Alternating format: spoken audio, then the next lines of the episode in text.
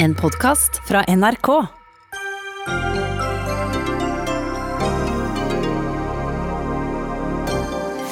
Veide økonomi eller smitteråd tyngst da Hurtigruten fikk legge ut på tokt igjen. Ifølge Filter nyheter var den prosessen preget av mye hastverksarbeid. Regjeringens nye reiseråd er forvirrende og fargekodene en håpløs løsning, mener MDG, som hadde foretrukket at grensene ble holdt lenger stengt inn i sommeren. Oslo Høyre er sjokkert over byrådets koronahåndtering i hovedstaden. Nå utelukker ikke de et mistillitsforslag mot helsebyråden. Og det er blitt for vanskelig å være mann, sukker forfatter, og mener særlig fedre kun er fedre på kvinnenes premisser og ikke sine egne. Men psykolog Peder Kjøs svarer at det aldri har vært enklere å være nettopp mann.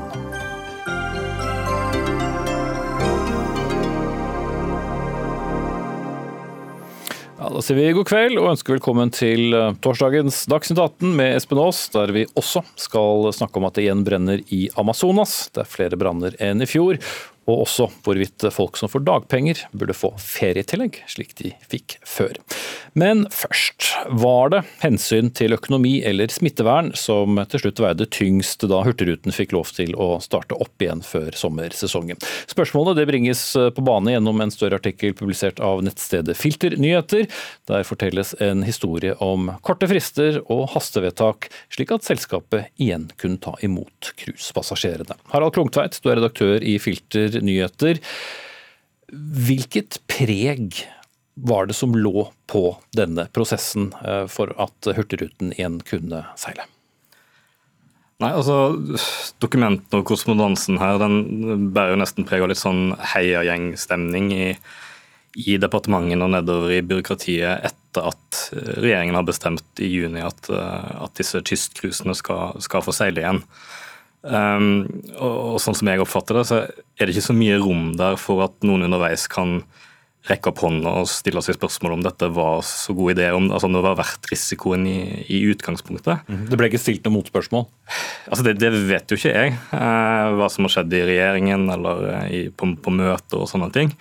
Um, men, men, dokumentene bærer ikke preg av det. og um, Ting går veldig fort. og um, vi vet jo at uh, FHI får ikke noen konkret bestilling på hva de syns om cruiseskip utenfor norskekysten eller Svalbard sånn generelt. Mm, altså Folkehelseinstituttet, ja, for de som ikke husker forkortelsen. Uh, uh, de får etter hvert en bestilling som nesten tyder mer på at man heller vil ha utvida reglene, altså gi mer rom til cruiseoperatørene. og og, og, sånne ting. Og det, det, det er gjennomgående i disse e-postutvekslingene at dette dette er sentrert rundt at Hurtigruten skal få seile i sommer på gitte datoer.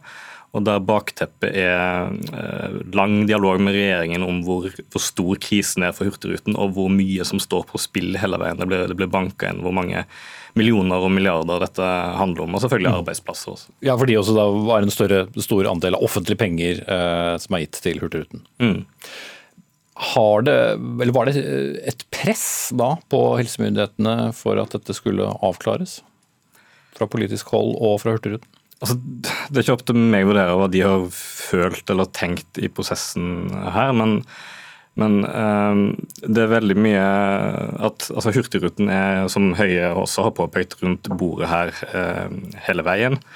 Um, veilederne som blir utarbeida, er et slags samarbeid mellom bransjen og Helsedirektoratet. Um, og Hurtigruten får jo seile uten at uh, detaljerte smittevernplaner er godkjent. Man seiler på midlertidige godkjenninger. Det er, liksom, det er aldri noe spørsmål om hvorvidt man skal få satt i gang disse planlagte seilasene, sånn som, så vidt jeg kan se. Da. Mm.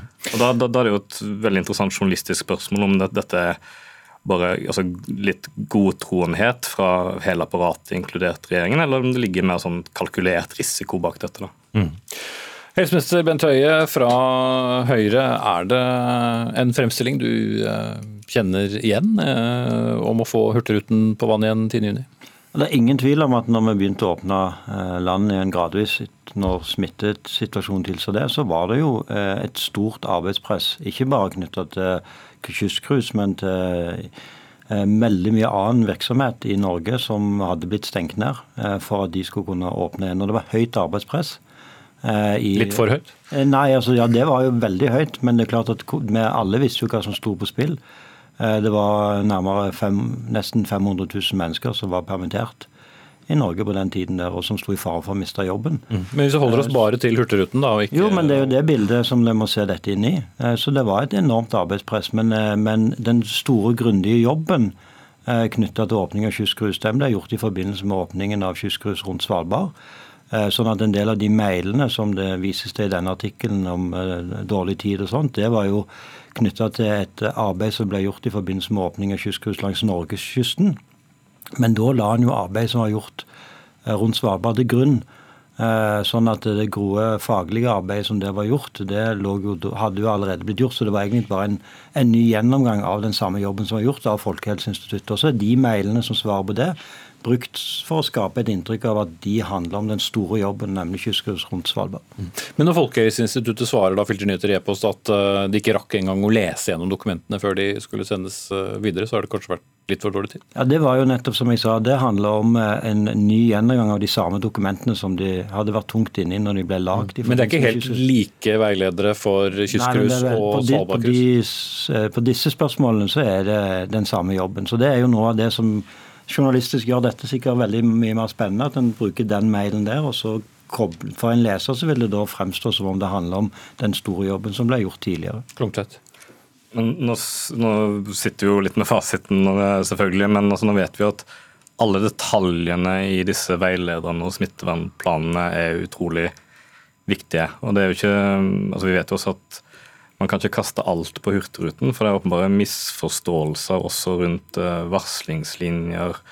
Um, sånn eksakt hva som skal skje når smitteutbruddet faktisk er der. og sånn, og det, der mm, er det i hvert fall mulig å forestille seg at, eh, at, hvis man hadde hatt mer tid til kritisk gjennomgang av disse veilederne, at, det, ja, at, at sånne ting kunne blitt fanget opp. Men, men, det som jeg syns er mest sånn journalistisk interessant, er jo Eh, i hvilken grad man har spurt seg om altså risikovurderingen rundt selve cruiseskipene. Altså i, i, det hele tatt om det skulle settes i gang. Mm. For Det ble jo påpekt at uh, historisk sett så er jo nettopp cruiseskip uh, et sted hvor smitte sprer seg raskt. Helt riktig, og Derfor ble det jo gjort en så grundig jobb på disse spørsmålene. og Så detaljerte veiledere. og Det er jo sånn at det regelverket som her er brutt fra Hurtigrutas side, det er jo sånn at det, det, det kan ikke uh, bortforklares med at regelverket er utydelig, for det er sånne åpenbare brudd eh, på regelverk, og knytta til spørsmål om, eh, om karantenebestemmelser for mannskap osv. Så, videre. så jeg aksepterer ikke at nå en prøver å skape et inntrykk av at det som har skjedd med Hurtigruta, handler om, eh, om myndighetenes håndtering av regelverket, når det er i realiteten her et eh, selskap som ikke har fulgt helt åpenbare klare regler. Mm. Apropos det. Torgeir Knag Fylkesnes, du er nestleder i SV. Du er ikke enig i det som Høie sier akkurat nå, for eh, dere mener at regjeringen her rett og slett har gjort Hurtigruten til en, en eh, syndebukk? Ja, altså Det er jo en veldig interessant lesning eh, fra Filter nyheter her. Her har de gått ordentlig gravejournalistisk dypt til verks. Man har gått gjennom e-poster, korrespondanse osv. Og det, vi, og det snur på mange måter saken på hodet. Altså, vi har jo hele tida tenkt at det her har Hurtigruta virkelig vært totalt udugelige. Men så viser det seg jo at uh, Helsedepartementet har jo rusha prosessen. De har hoppa over helsefaglige råd i prosessen. De har uh, gitt midlertidig uh, klarsignal for, for Hurtigruta til å seile. og det, Hurtigruta har da seilt på disse kystcruisene i en måned før de har fått godkjent smittevernplaner. Eh, det kommer også frem at eh, kravene til eh, mannskapet, som gjerne har kommet fra røde land, fra andre sida av kloden, kravene til de har vært egenerklæring, ikke at de skal inn i karantene og den type ting. Og alt dette har, skjedd da etter pådytt fra, eh, fra, departementet med politisk ledelse i spissen.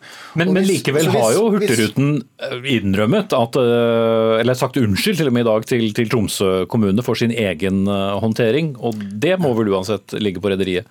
Ja, det må det. Altså, At Hurtigruten har har gjort noen katastrofale feil, er jo ikke til å komme eh, vekk fra. Men her er jo det at vi får et helt annet bilde. Et departement som har rusha frem en prosess, eh, som har skapt eh, slags cowboyregler for rederiene.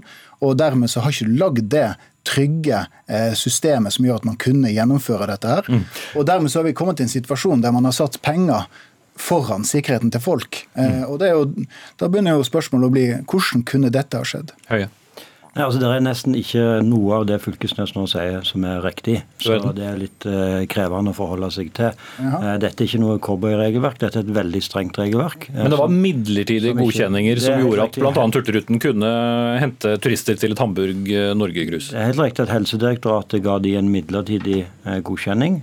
ikke departementet, som Fylkesnes sier, for det er direktoratet som behandler disse sakene.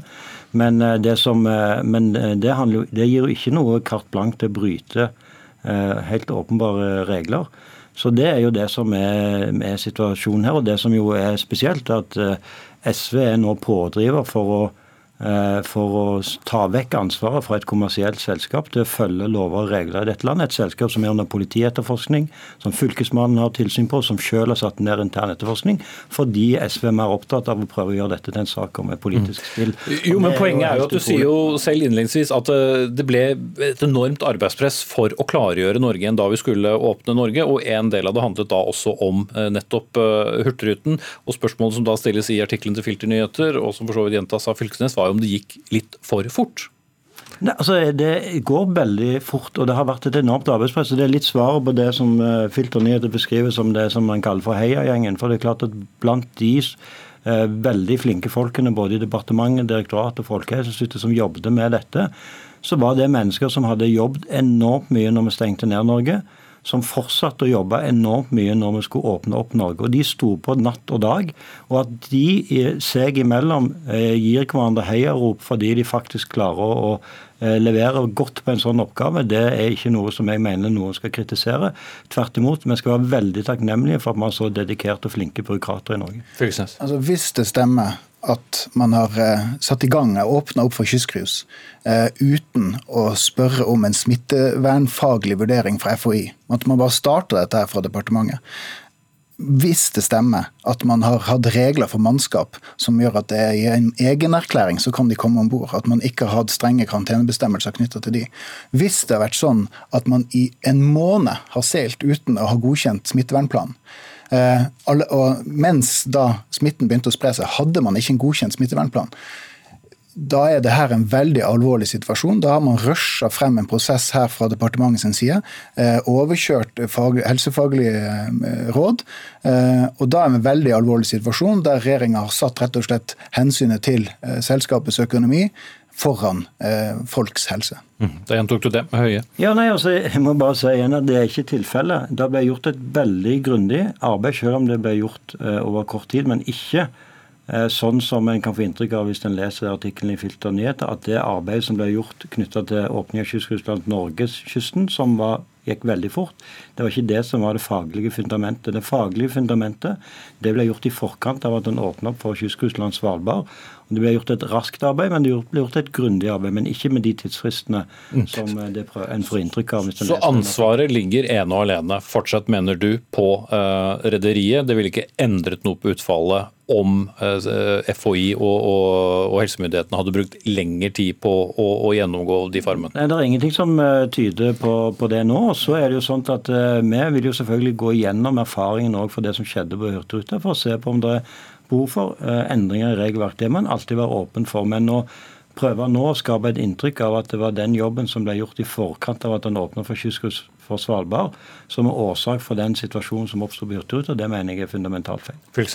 Altså, bare ta et eksempel, da, dette med mannskap. Eh, det at man ikke hadde klare regler for karantenebestemmelser for mannskap. Så man har fått folk inn fra utlandet til å komme hit, og så har det bare vært knytta til egen eh, erklæring.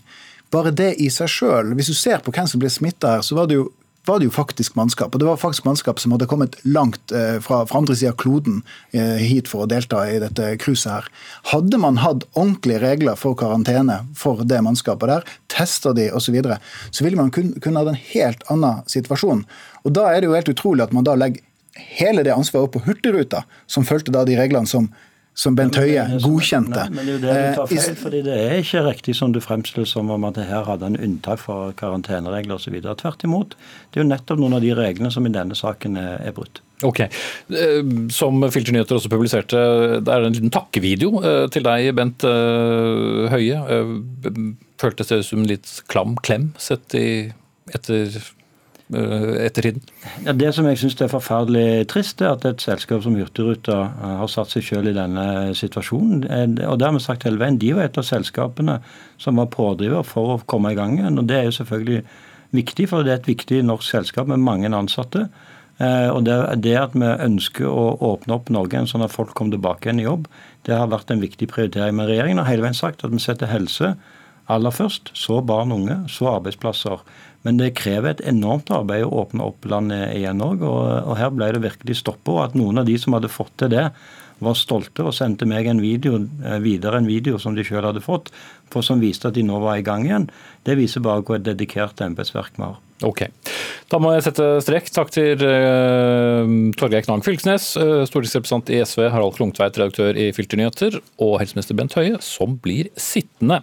For vi var jo uh, innom uh, alle fargene i går. Noen land er gule, noen land er røde, noen land er grå, men alle har koronasmitte. I går strammet altså regjeringen inn igjen på utenlandsreiser, men Chris Rokkan Iversen, nestleder i MDG. Du mener disse reiserådene og fargekodene har gjort det hele mer forvirrende. Hvordan da? Nei, jeg tenker jo at det, det er vanskelig for befolkninga å egentlig holde helt eh, kontroll på eh, hvor det er lov å reise og ikke. Eh, Og at eh, det egentlig er ganske dårlig kommunikasjon og pedagogikk å, si at eh, et land er grønt, som alle oppfatter som at da er det greit å reise dit, eh, og så eh, få beskjed etterpå om at ja, men vi mente jo ikke at dere trengte å reise. Og det mener jeg faktisk er en måte å påføre befolkninga koronaskam. Mm. Men nå er jo ingen land grønne lenger. Nå er langt flere blitt røde, og noen er da eh, gule. Og rådet på pressekonferansen i går ikke reis med mindre det er nødvendig.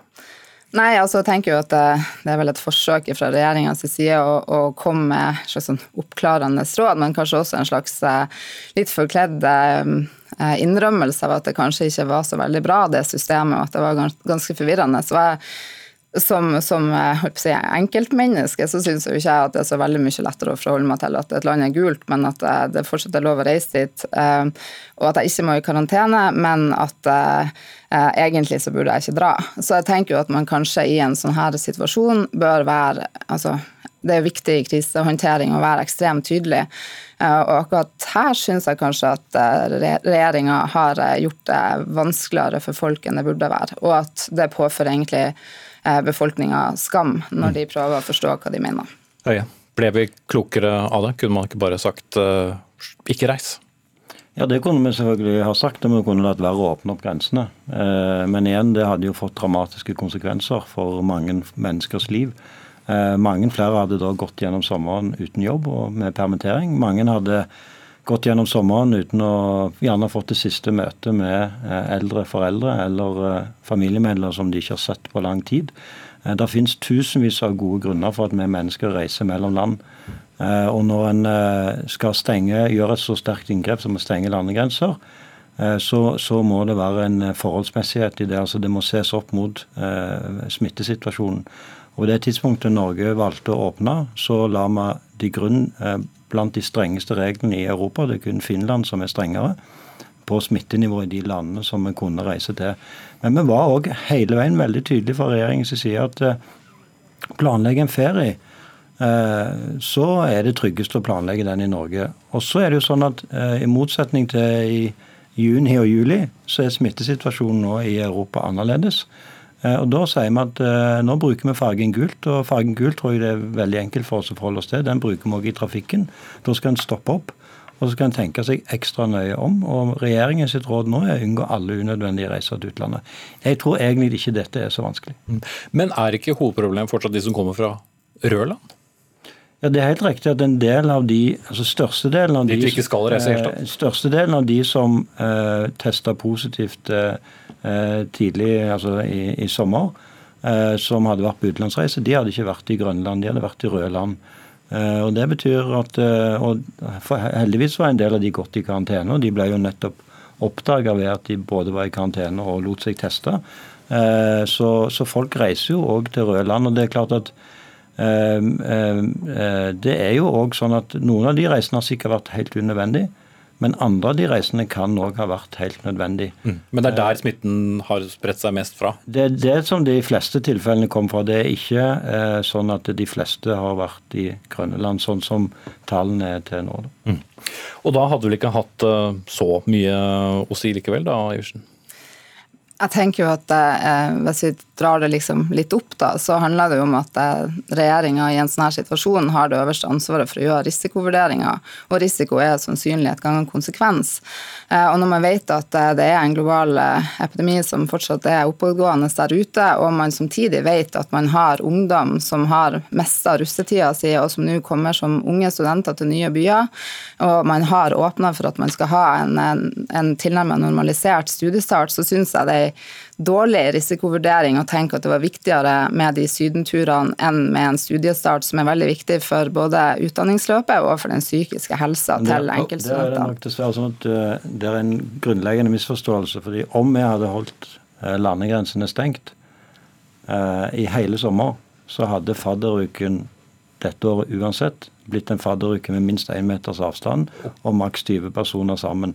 Så det er ikke sånn at vi kunne velge mellom å holde smitterådene i Norge og åpne landets grenser. Viruset er ikke i, kommet til Norge gjennom sommeren. Viruset har vært i Norge helt siden det kom i, eh, i, i slutten okay. av februar. Eh, men vi holder oss til reising. For Astrid Bergmål, du er leder i Virke reiseliv. Eh, ikke så begeistret, hørte vi radioens nyhetssendinger i morges over dette. For du mener poenget er snarere hvordan vi reiser, og ikke hvor. Jeg har jo stor forståelse for at regjeringen eh, må stramme inn når man får eh, mer smitte eh, i Europa og i landet vårt. Så det er ikke det det handler om, men jeg tror det er et viktig poeng at vi òg jobber med, med, gode måter å reise på, ansvarlige måter å reise på. For dette kommer jo til å dra ut i tid, det tror jeg begynner å bli klart for oss alle. Og det er som Bent Høie her er inne på, at mennesker trenger å møtes, både i jobb og privat. Eh, og vi kommer til å fortsette å, å trenge og ville reise. Og da håper vi at eh, man skal kunne gjøre det eh, etter hvert på en god og trygg måte. Så jeg ønsker jo et større fokus på det. Også, ja, men hvordan da? Vi alle vet vel nå alt som handler om håndhygiene og avstand osv.? Ja, nå er det jo flere land som har eh, gjort eh, flere grep enn det Norge har gjort med skjemaer. Eh, altså, det er jo ikke før nå at disse som kommer fra røde land har fått liksom krav om å ha maske når man kommer, den type ting. Det har vært kun dette karantenekravet, så det er flere ting man kan gjøre. Men jeg tror det viktigste her er å jobbe godt sammen og få dette på plass. Og, så er jeg òg enig i det som blir sagt om at det er viktig med tydelighet, sånn at folk vet hvordan de skal, skal oppføre seg. Men, men dette er jo en utrolig utrolig vanskelig situasjon for alle. fordi mennesker, vi mennesker vi trenger å møtes, vi trenger å treffes. Eh, og, og, Derfor så håper jeg jo at vi nå klarer å få kontroll den, over denne situasjonen, så vi igjen kan få lov å reise. Ja, og, og dine medlemsbedrifter trenger først og fremst å tjene penger, som vel er mye av det, det du også vil være opptatt av, for det handler om arbeidsplasser. Men spørsmålet er da, mener du at disse landene som vi tidligere kalte for grønne land, unnskyld, bare skulle få blitt grønne? Og at vi skulle altså, reist som vi har gjort i sommer? Eh, gult er jo det nye grønne. Altså, eh, når det gjelder rettigheter når det gjelder karantenekrav, så er det jo helt likt som når de var grønne. Men jeg opplever jo, og har respekt for at det regjeringen her forsøker å gjøre, er å, å si fra tydelig om at de ikke ønsker at folk skal reise. Og Det tror jeg folk kommer til å høre på. og Derfor så er det jo klart at en veldig vanskelig situasjon for eh, Virke sine reiselivsmedlemmer den kommer til å bli enda vanskeligere framover. Og jeg må bare si at eh, For oss nå så er det helt sånn avgjørende eh, at de får hjelp. For uten hjelp så, så kom, er det vanskelig å se for seg hvor lenge man kan eh, overleve uten å kjenne noe. Mm. Ja, for Nå snakket du at du gjerne ville ha en pakke, men hvis vi tar bare reiserådene som sådan, som var det første du adresserte? Ja, det er jo sånn at uh, Vi ønsker jo selvfølgelig at våre uh, kollegaer i andre land i Europa skal lykkes nå med det som vi òg jobber med, nemlig å uh, ha kontrollen. Og at de lykkes med arbeidet med å slå ned smitten, sånn at de igjen kommer ned på et nivå som gjør at vi kan si at det er OK å reise. For det er jo sånn at Vi er avhengig i Europa for å ha mest mulig åpne grenser, men vi er i en pandemi. Og Det betyr at det er smittesituasjonen som til enhver tid bestemmer hvilke regler vi, vi kan ha. Og vi må dessverre nå være forberedt på at vi tar en økt om gangen. Eh, vi kan ikke i dag vite hva som vil være situasjonen om to måneder eller om et halvt år. og da eh, og Det forstår jeg veldig godt er ekstremt krevende, og ikke minst ekstremt krevende for dine medlemmer, som er helt avhengig av at folk eh, reiser. Jeg har selv bakgrunn fra den bransjen. Mange venner som, som jobber der. Og Det er jo noe av det som er min virkelig store bekymring. at Eh, at, eh, at, vi skal miste veldig mange flotte arbeidsplasser og bedrifter. Men med da bedre sporing, flere skjemaer og registrering av hvem som kommer og hvem som går, for å si det sånn, som, som Bergmål snakker om, vil det da være en mulighet for å holde grensene relativt åpne? Med mindre smittespredningen er for stor i enkelte land? Ja, Vi har jo nå innført eh, strengere mottak og, og, systemer for de som kommer til Norge. og Så håper vi at det skal bidra til å hindre at vi får eh, importsmitte av de som kommer til, til Norge. At det kan være en måte å gjøre det på.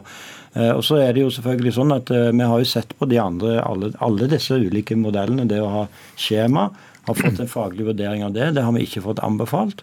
Eh, nå er det interessant å se på erfaringene fra Island. Island var jo først ute med obligatorisk testing av alle som kom. Ja. Det er nå blitt et rødt land. Vi må se på eh, virker det eller virker det ikke. Og det er jo sånn at eh, i, dette er en situasjon ingen har vært i før. Så det er jo sånn at det er ingen av oss som har et svar med to streker under. Mm.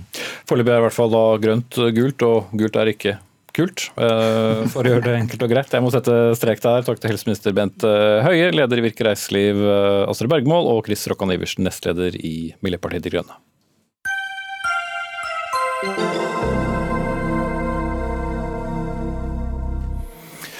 Litt senere i sendingen, i 2015 mistet de som går på dagpenger retten til feriepenger. Nå vil partiet Rødt at disse pengene igjen betales ut. Men det litt senere i sendingen. Nå skal vi til uh, hovedstaden, hvor jo også koronasmitten i aller høyeste grad er uh, til stede. Og nå får det rød-grønne byrådet kraftig kritikk uh, for det noen mener er manglende kapasitet. Vi hørte alle historien om siste lørdag, da 5300 personer forsøkte å komme gjennom gjennom koronatelefon. 360 personer fikk svar. Og Anne Håbet Rygg, du er nestleder i Oslo Høyre. Dere eh, kritiserer byrådet i Klassekampen i dag, men eh, hva skulle de gjort? Jeg tenker jo at byrådet har en veldig viktig oppgave i å ivareta helsen til innbyggerne i Oslo og bidra til at den er god. Og nå fremstår det mer som en propp mellom de som vil ha en test og oppleve koronasyndromer, og de som faktisk kan gjennomføre testene, med en telefon som ingen når gjennom på. Det er mange som har kapasitet til å gjøre tester i Oslo. Aleris, Volvat, private institutter sier vi kan teste 1000 til, vi kan teste 1000 til. Og så sitter folk og er urolige og har koronasymptomer og når ikke gjennom en telefontjeneste hos Oslo kommune. og Det mener jeg er meget kritikkverdig. Mm.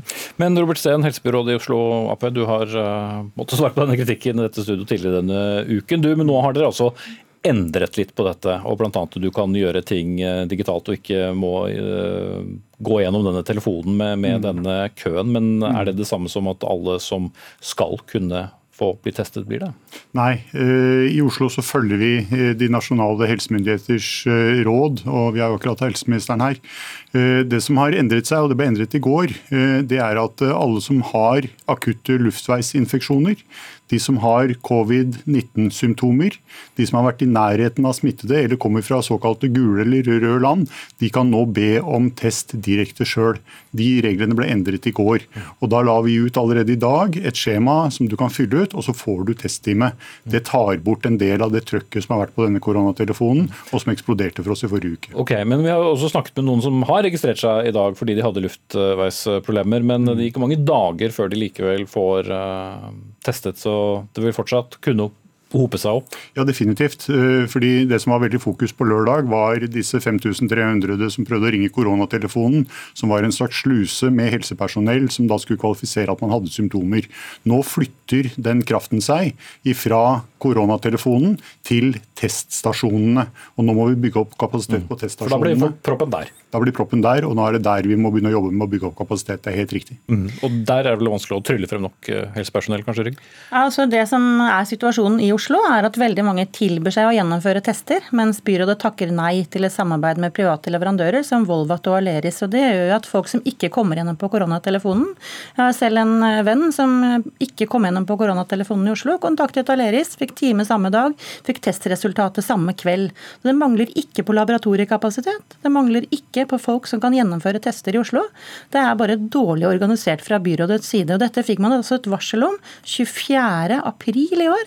At man trengte å bygge opp testkapasiteten hvis dette eskalerte. Nå eskalerer det, og jeg opplever at byrådet ikke er beredt. Svar på det, Sten. Kunne dere samarbeidet med private? Ja, og vi gjør det. Eh, Vi gjør nå eh, det som heter hasteavtaler med private selskaper for at de skal også delta i denne testingen. Vi har hatt eh, feberklinikker, syv stykker av de i Oslo. Og så reduserte vi det til fire før sommeren fordi smittetrykket gikk ned. En del av disse er drevet av private aktører, så jeg kjenner ikke igjen det bildet som Anne Rygg prøver å lage her om at vi ikke bruker private. Det gjør vi allerede. Skulle de da holdt kapasiteten opp gjennom sommeren når det var lav smittespredning? Det jeg tenker beredskap handler om, det er å være beredt til det eskalerer. At man på en måte har en organisasjon som kan eskalere når smitten eskalerer, og som kan tas ned når smitten går ned. Jeg opplever at Sten skal ansette folk, skal berigge en organisasjon, skal eh, snakke med Sykepleierforbundet om å liksom bygge en organisasjon i Oslo kommune, istedenfor å kjøpe tjenester for å få hjelp på telefonen, kjøpe tjenester for å få gjort testene. Jeg er veldig glad for at byrådet nå tar alvoret inn over seg og faktisk inngår avtaler med private, men at man sitter nå i august og gjør hasteavtaler med private leverandører, som man har hatt hele sommeren på å gjøre, det syns jeg er urovekkende. En av grunnene til at vi da snakker om Oslo, er jo fordi at eh, mange fylker og kommuner rundt omkring i landet er bekymret for det som skjer i Oslo. At dette er en rød sone. Noen vil ikke engang at folk skal reise inn i hovedstaden osv. Men Robert, når skal de, og for så vidt innbyggerne i hovedstaden, føle seg trygge på at de mekanismene er på plass. Nå kan man melde at man vil ha en, eh, en test, men når vet vi at mange nok kan bli testet? Det er jo viktige spørsmål. og Først og fremst er det jo smittesituasjonen eh, som er eh, bekymringsverdig. Vi hadde en oppblomstring av eh, smittetrykket i Oslo i forrige uke. og Det er i all hovedsak eh, ført tilbake til fire fester i bydel Vestre Aker og en del av Oslo-beboerne som var med på Hurtigruten til Svalbard. Det gjorde at eh, smittetrykket i Oslo gikk opp. Det Nå skal det være under kontroll, eh, det skal være under kontroll. Vi har sporet alle nærstående, vi har isolert de som er smittede, vi har identifisert de. Det var 50 i Vestre Aker, det var ni som kom fra Hurtigruta. Så vi har god kontroll over smitten. Men så er det klart at eh, når smitten kommer tilbake, eh, sånn som det oppleves, så har folk et behov for å få testet seg i større utstrekning. 98% av de som tester seg, er ikke smittet. Sånn at eh, Flesteparten av de som ønsker tester, de er ikke smittet, men de har et behov for å få en berettiget betryggelse, og det må vi bygge opp eh, kapasitet for nå. Og da vil jo mange si at hovedproblemet fortsatt er smittespredningen og smitteforebyggingen. Og um, Anne Håpen Rygg, eh, hva skal man gjøre? Skal vi stenge ned kollektivtrafikken og be folk være hjemme igjen? Det er klart at man må overholde smittevernreglene som nasjonale myndigheter eh, ber oss om å gjøre, med å holde avstand, sprite hendene osv. Og, og vi vil følge tiltakene som kommer fra nasjonale myndigheter. Og jeg skulle jo ønske også at byrådet hadde fulgt opp eh, oppfordringene fra nasjonale myndigheter. Man sa at man raskt måtte ha en testkapasitet på å teste halvannen prosent av befolkningen. Oslo er ikke på det halve engang. Og man sa at man skulle etablere en organisasjon som kunne teste 5% av befolkningen. Det sa man 24. april allerede. Og Oslo er ikke i nærheten nærheten. Eh, men jeg er helt enig at det er viktig med smittesporing. og En tredjedel av de som ble smittet i august, var på disse festene i Vestre Aker. Veldig mye annet skyldes folk som har vært på ferie, og dette har vi vært advart om siden våren. Mm. Men hva slags altså vi, Det var jo en gang da man ikke satt ved siden av hverandre på, på offentlig eh, transport. Det var en gang da det var strengere også i butikkene. Bør vi være tilbake der? Det, vi har jo allerede slått ned på alkoholserveringen, Mm. om enn nasjonalt. Eh, Jeg tror vi alle skal ha en bekymring eh, rundt det faktum at koronasmitten lever så til de grader i beste velgående i samfunnene våre. Vi må tilbake igjen til den gode smitteatferden som vi viste før sommerferien. og Der har Oslo-borgerne og Oslo kommunes ansatte gjort en fantastisk jobb. Ser man på resultatene av hvordan vi har bekjempet korona i Oslo, så er det nesten i verdensklassen. Eh, Men det ser ut som om vi begynner å bli litt slappere nå i forhold til en del av disse tiltakene, og det må vi tilbake til. Det er det aller, aller viktigste. Om det kommer til å da manifisere konkretisere seg f.eks. i et munnbindpåbud i kollektivtrafikken i morgen. Det får vi se når regjeringen kommer med rådene sine. En anbefaling er vel først og fremst det de har sagt. Det er ofte det som er, ja. Ja. Vi setter strekk der. Takk til Robert Steen, helsebyråd i Oslo fra Arbeiderpartiet, og Anne Hove Drygg fra Oslo Høyre.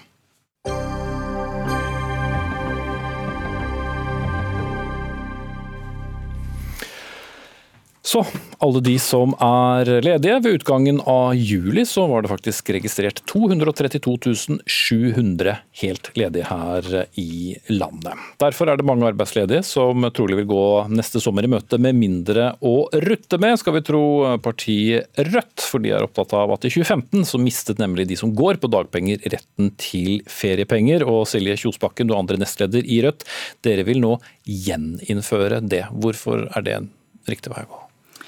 Eh, også, hvis vi går tilbake til 2015, så så vi jo at eh, det, det fungerte fint, holdt jeg på å si, og var en mer rettferdig eh, retur av eh, skattepengene. Ved å ta det bort? Nei, ved å, å la de på dagpenger få feriepenger det påfølgende året. Eh, siden det så er det jo veldig mange som har eh, vært på dagpenger og fått, eh, ikke fått feriepenger det påfølgende året.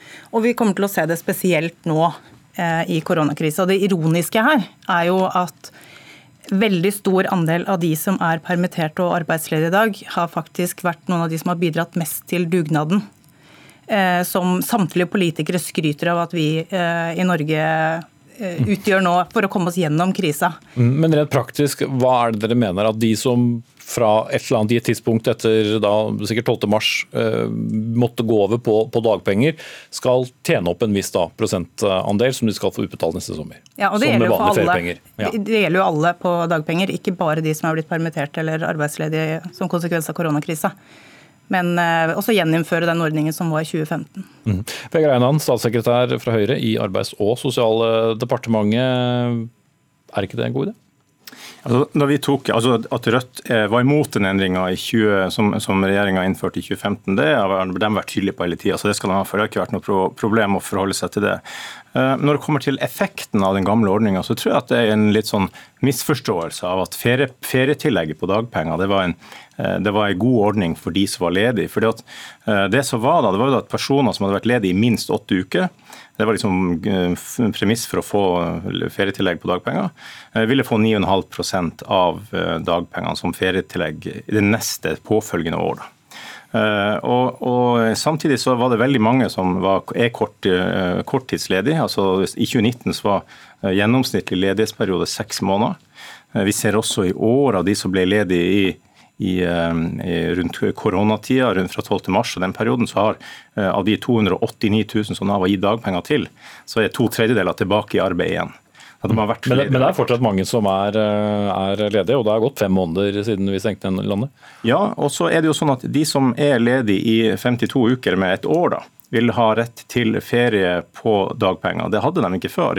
Før da som man tok eh, ferie mens man var ledig, så måtte man krysse av på meldekortet at man hadde ferie, så fikk man ikke dagpenger. For da skulle ferietillegget dekke det.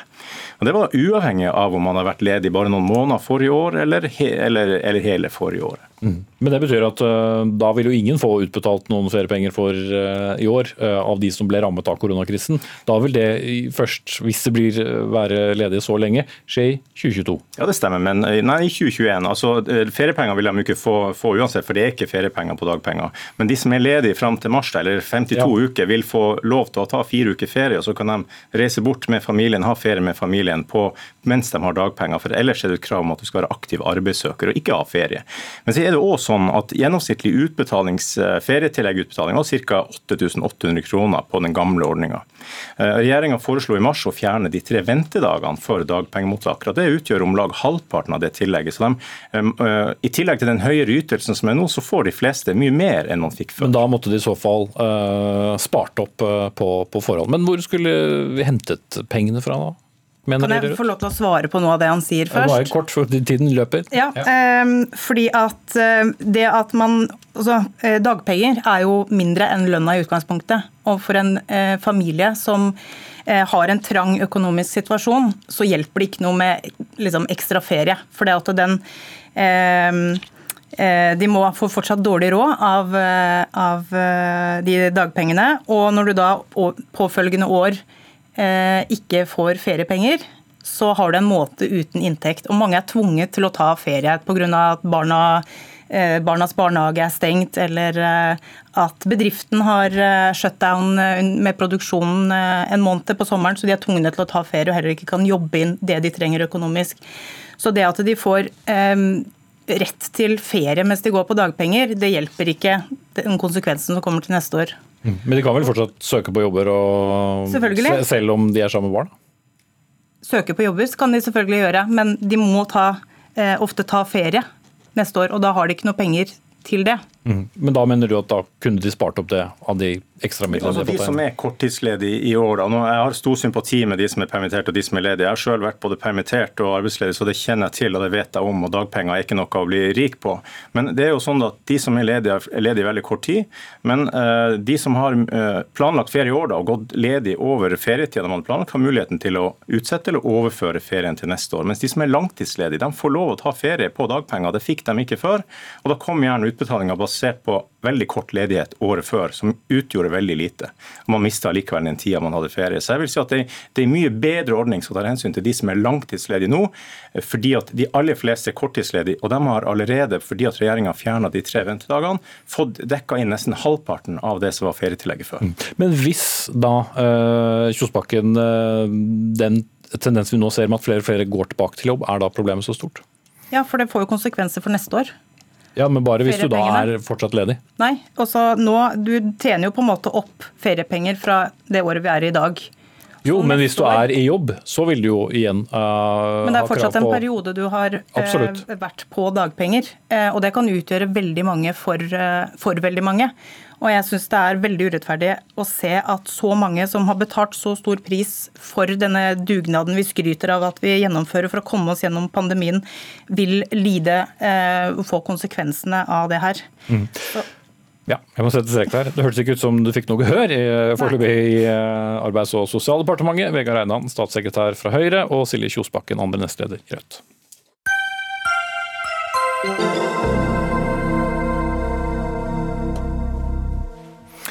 Nå skal vi snakke om eh, menn med menn. For eh, er du for maskulin, eller er du ikke maskulin nok? Forfatter Rune Salvesen tror at dagens fedre ofte er menn på kvinners premisser, og at det ikke lenger er rom for å være den tradisjonelle mannemann, hva man eh, måtte legge i det. Mens forfatter og komiker Adam Sjølberg mener på den andre siden at det er blitt for vanskelig for menn å være i kontakt med sin mer følelsesmessige side. Uansett er begge de to enige om at rommet for å være mann er, er for trangt, selv om de ser det fra litt hver sin side. Men la meg begynne med deg, Rune Salvesen, eh, som også eh, har gitt ut boken 'Antifeministen', som handler om det å være mann i, i dagens eh, samfunn. Hva er det du savner eh, ved å være mann? Jeg, altså jeg tenker at vi er en generasjon menn opptatt av kvinner. Eh, fedrene våre har av ymse grunner sviktet oss, enten det er pga. jobb, eh, det er pga. skilsmisser, det er pga. Eh, fritidssysler. Så svikter de oss. Eh, vi ble opptatt av kvinner og, og har på en måte adoptert disse kvinnelige eh, måten å, å være på. Da. Og da blir vårt premiss for å være eh, i samfunnet blir eh, kvinnens, tenker jeg. Og, og, eh, Men Vær litt konkret. Hva, hva, hva er det du gjør som mann i dag som du føler skjer på en kvinnes eh, premiss, og, og hva vil du gjort i stedet? Jeg tenker at det er eh, veldig like Vi lever veldig like liv. Da. Det er veldig lite forskjell mellom mann og kvinne i, i dagens samfunn. Eh, av en eller annen grunn så er det vanvittig deilig å være på guttetur på fjellet.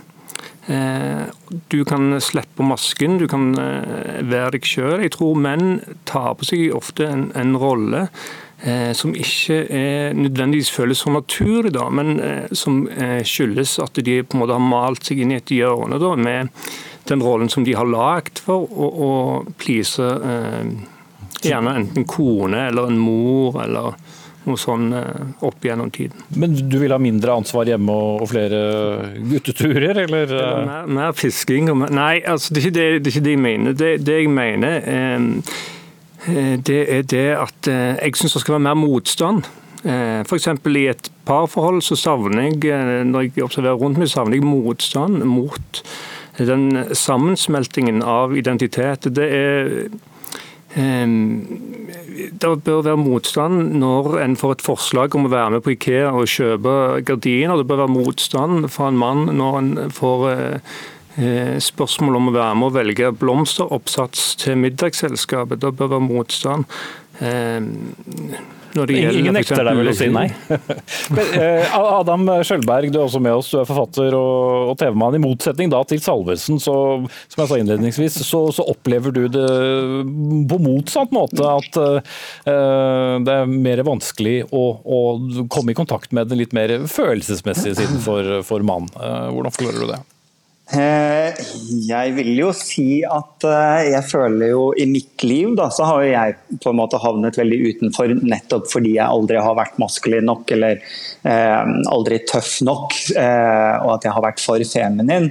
Eh, og dermed også havnet litt på utsiden av det liksom, den klassiske mannsrollen skal, skal levere. Og jeg syns jo at det rommet også er for lite, så jeg er enig med med sånn at det er jo et veldig lite og trangt rom. Men hvorvidt det har med liksom mandighet å gjøre, det tror jeg det er jo det som er en interessant debatt. fordi jeg tror mer ofte at menn ikke har satt ord på hva det er. De bare bruker et slags kollektivt ord som mandig eller maskulint, når de egentlig kanskje snakker om diverse separate emosjoner. Da. At liksom, veldig mange menn har veldig raskt for å si at jeg er sint og trenger å være alene i fjellet, og så er de egentlig kanskje lei seg. Bare de finner ikke de ordene, da. Eh, og det med, jeg tenkte på når du sier med motstand i forhold også med kvinner og menn og gardiner og det å si nei. Eh, jeg er jo homo, så vi kan jo være to menn da, som, som er på Ikea og skal krangle om gardiner. Og det har jo ikke noe med mann og kvinne å gjøre, eller, eller feminin og maskulin nødvendigvis. For maskulinitet igjen er jo noe som endrer seg kulturelt i forhold til hvilket land du er i, eller verdensdel, eller, eh, eller vennegjeng for så vidt. Hvilke, hvilken by i Norge du er i, så har man jo forskjellige oppfatninger av maskulinitet. Så det er jo ikke noe fasit, egentlig. La meg bringe inn enda en mann, da, siden vi er så godt i gang her. Peder Kjøs, eh, psykolog og, og, og, forfatter. Du har lyttet til eh, de to herrene Salvesen og, og, og Sjølberg. Er rommet for å være mann trangt? Nei, jeg kan ikke egentlig skjønne det. Ehm, så, så jeg tenker vel Jeg tenker liksom Er vi her nå igjen? Må vi gjøre dette her enda en gang? Eh, nå hadde vi en runde med Knausgård for en ti års tid siden. Nå er det liksom på'n igjen. Den, jeg syns den diskusjonen her dukker opp hele tida. Jeg får inntrykk av at den dukker opp hver gang en forfatter har fått barn og oppdager at det forventes noe av han, liksom. Men jeg vet ikke. Men er det ikke et poeng som for eksempel, altså Samfunnet har jo endret seg, det er jo åpenbart en del ja. av forklaringen her. Kanskje, eller? På ti år, nei. Lite. Men det stilles krav på en annen måte enn før i tiden? Det stilles, stilles, det har alltid vært stilt krav til menn og til alle andre for den saks skyld. Jeg ser ikke hva som er spesielt med det. Det forventes at du tar del i eh, omsorgen for de ungene du sjøl har hatt gleden av å være med på laget. Jeg vet ikke om det er for mye forlangt. Mm. Salvesen, ble det en brå oppvåkning eh, av å, å, bli voksen og bli far og, og, få ansvar, og måtte ta vel så mye hensyn til det som uh, det litt mer mannete delen? Nei, nå, nå, er det 15 år siden jeg ble far, eh, og tok veldig godt eh, imot de oppgavene som kom. Eh, det kan jo nevnes eh, når vi snakker om maskulinitet og oss personlig. Altså, jeg er av utdanning sykepleier og har alltid eh, levd godt med det, og levd godt med å ha kvinnelige sjefer og, og, og sånn. da. Eh, så, så, for meg så handler det ikke så mye om det.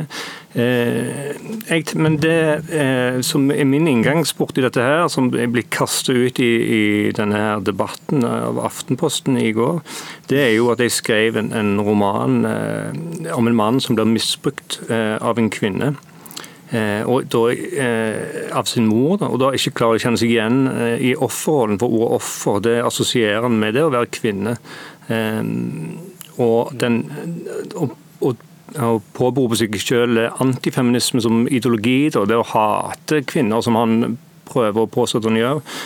Det blir et språk, et, uttrykk for hans smerte. Da. Så sånn sett er jeg jo veldig enig med Kjølberg da, at dette, det handler gjerne mer om det. Mm, men er det samme sak?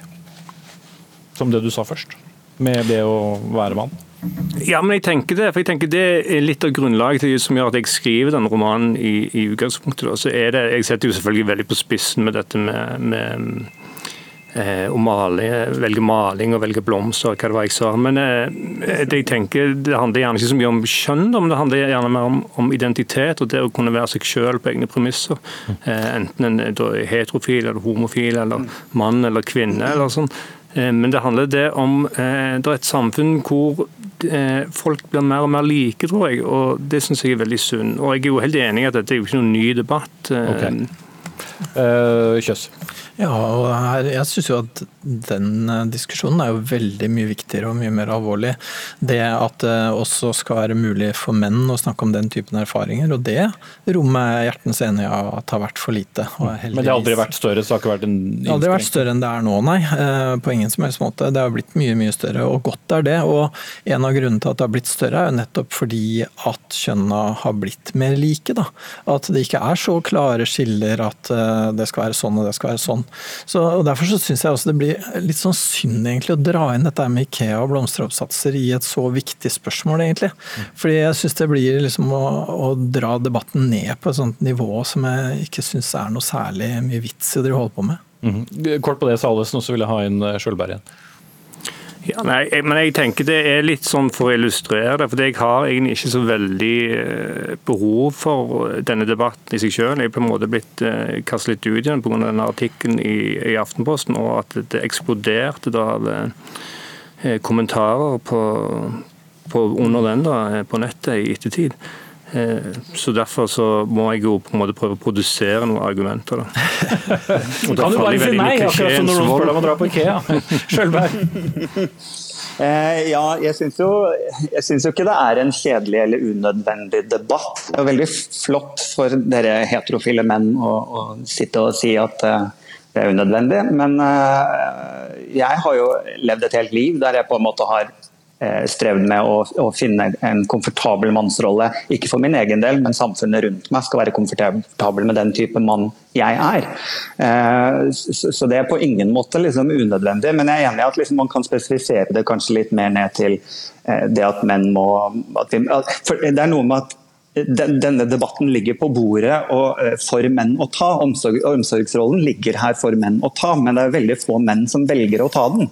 Eh, at de heller velger å, å eh, Jeg vil ut i skogen og skyte med pil og bue, jeg vil drepe et dyr med hendene mine. Litt, men hvor ofte i dag liksom kommer du til å, å liksom trenge disse kunnskapene for å leve? Og hvis du liksom har veldig behov for det, så er du mest sannsynlig voldtektsmann og øksemorder.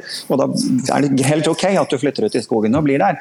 Fordi dette er ikke verktøy jeg trenger i dagens samfunn. Ja, kort til slutt her, Kjøs, Handler det egentlig om at uh, vi menn, eller i hvert fall mange menn, også har blitt litt sånn kravstore til hvor stort rom vi skal ha. Vi har mer tid, vi har mer penger. Også. Det er jo en ting som fortsatt hører til mannsrollen, det er at alle menns problemer er verdens problemer. Eh, så hvis en mann føler at det er for lite rom eller et eller annet, så må det på Dagsnytt 18, ja. ja. Oh, så tenk at det var en vanlig programleder òg. Jeg lover at det ikke var jeg som foreslo dette. Ja. Takk skal dere alle tre. Peder Kjøs, psykolog og forfatter. Adam Skjølberg, forfatter og TV-mann. Og Rune Salvesen, forfatter av boken 'Antifeministen'. Det er ikke lett å være oss. Hør Dagsnytt 18 når du vil. Radio NRK Radio.nrk.no.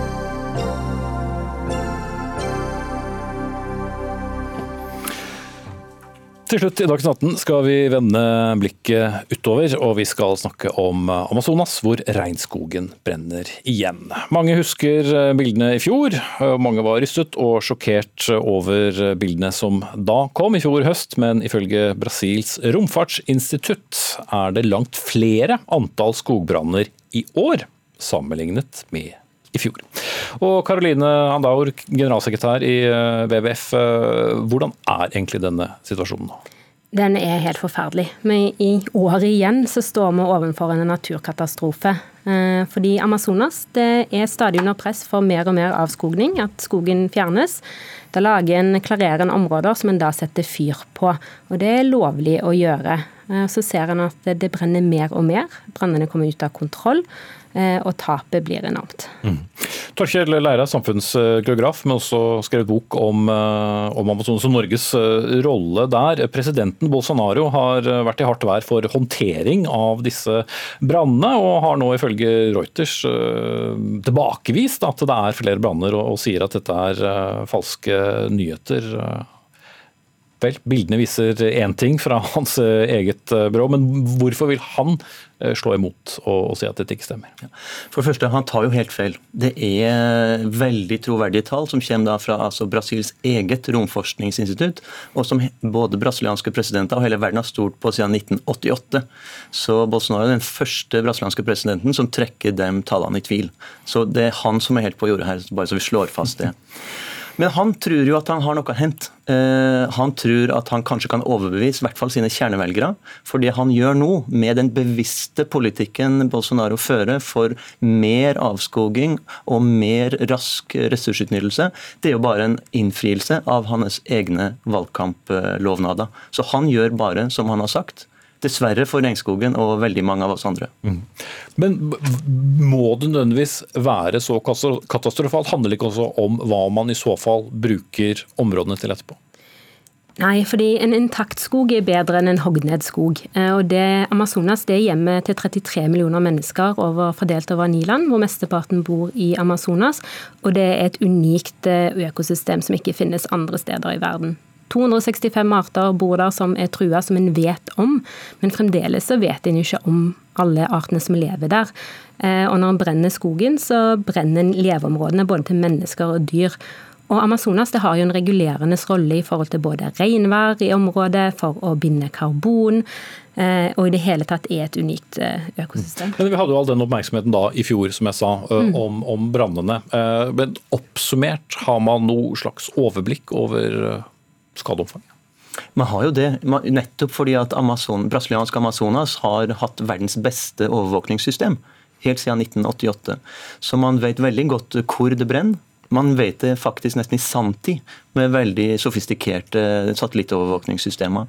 Men igjen, det her er en villa politikk. Det her har Bolsonaro sagt helt siden valgkampen i 2018 alle hans tiltak rundt Amazonas har faktisk direkte stimulert til aktiviteter som vi vet fører til mer avskoging. Mm. Og de har også kutta på de tiltakene som vi vet beskytter regnskogen og får avskoginga ned. Så dessverre det her er en villa politikk fra brasilianske myndigheter. Så ser man en forsterka covid-19, fordi at det er, mindre, det er mindre overvåking. Så det er mye mer ulovlig aktivitet, og det vet òg presidenten, men slår ikke ned på det. Men så har Norge brukt eh, store midler, stort eh, engasjement, mye penger. Har det vært helt bortkastet? da? Absolutt ikke. Dem, Norges midler har bidratt, og Norges politikk har gjennom mange tiår bidratt til mindre avskoging i Amazonas, og bidratt til å styrke lokalbefolkningens rettigheter, ikke minst urfolks rettigheter i Amazonas. Men så ser vi det som skjer nå. Ja, det er kjempebra. Så vi starter på et bedre sted enn der vi ville ha vært ellers. Så det er det viktig å, huske at det er ikke bortkasta penger. Samtidig så kan man si at Norge taler med to, tinga, to tunger. For både gjennom oljefondets investeringer, gjennom norsk soyaimport og norske selskapers uh, handlinger i Amazonas, så bidrar vi også på den negative, negative sida. Og mine undersøkelser til den boka som jeg skrev nå i vår, den viser jo at vi bruker fem til ti ganger mer penger på de ødeleggende industriene enn det vi bruker på å beskytte regnskogen i Amazonas. Mm. Det ser vi jo det internasjonale presset kommer til å være avgjørende i, i det som skjer nå framover. Mm. Eh, Men han ser jo ikke ut til å være veldig mottagelig for det, snarere tvert imot? Nei, Bolsonaro sjøl er ikke det. Men heldigvis, det presset som har kommet internasjonalt, det, har, det virker. Og det vet vi. Vi er mange som har jobba i mange tiår med Amazonas-spørsmål. Vi vet at internasjonalt press fungerer. Det at Storebrand og en del andre norske og internasjonale selskaper la press på, veldig bra. For det hører brasiliansk i mm. brasilianske investorer og næringsliv på. Ok, Jeg må sette strek der. Takk til Torkjell Leira, samfunnsgeograf og forfatter, og Caroline Andaur, generalsekretær i WWF. Denne sendingen er ved veis eh, ende. Ansvarlig for den, Anne Katrine Førli. Teknisk ansvarlig, Frode Thorshaug. Jeg heter Espen Aas, og så minner jeg om partilederdebatt på NRK1 i aften klokken 21.15, ledet av eh, kollega Fredrik Solveig. Kan være verdt å få med seg. Takk for nå.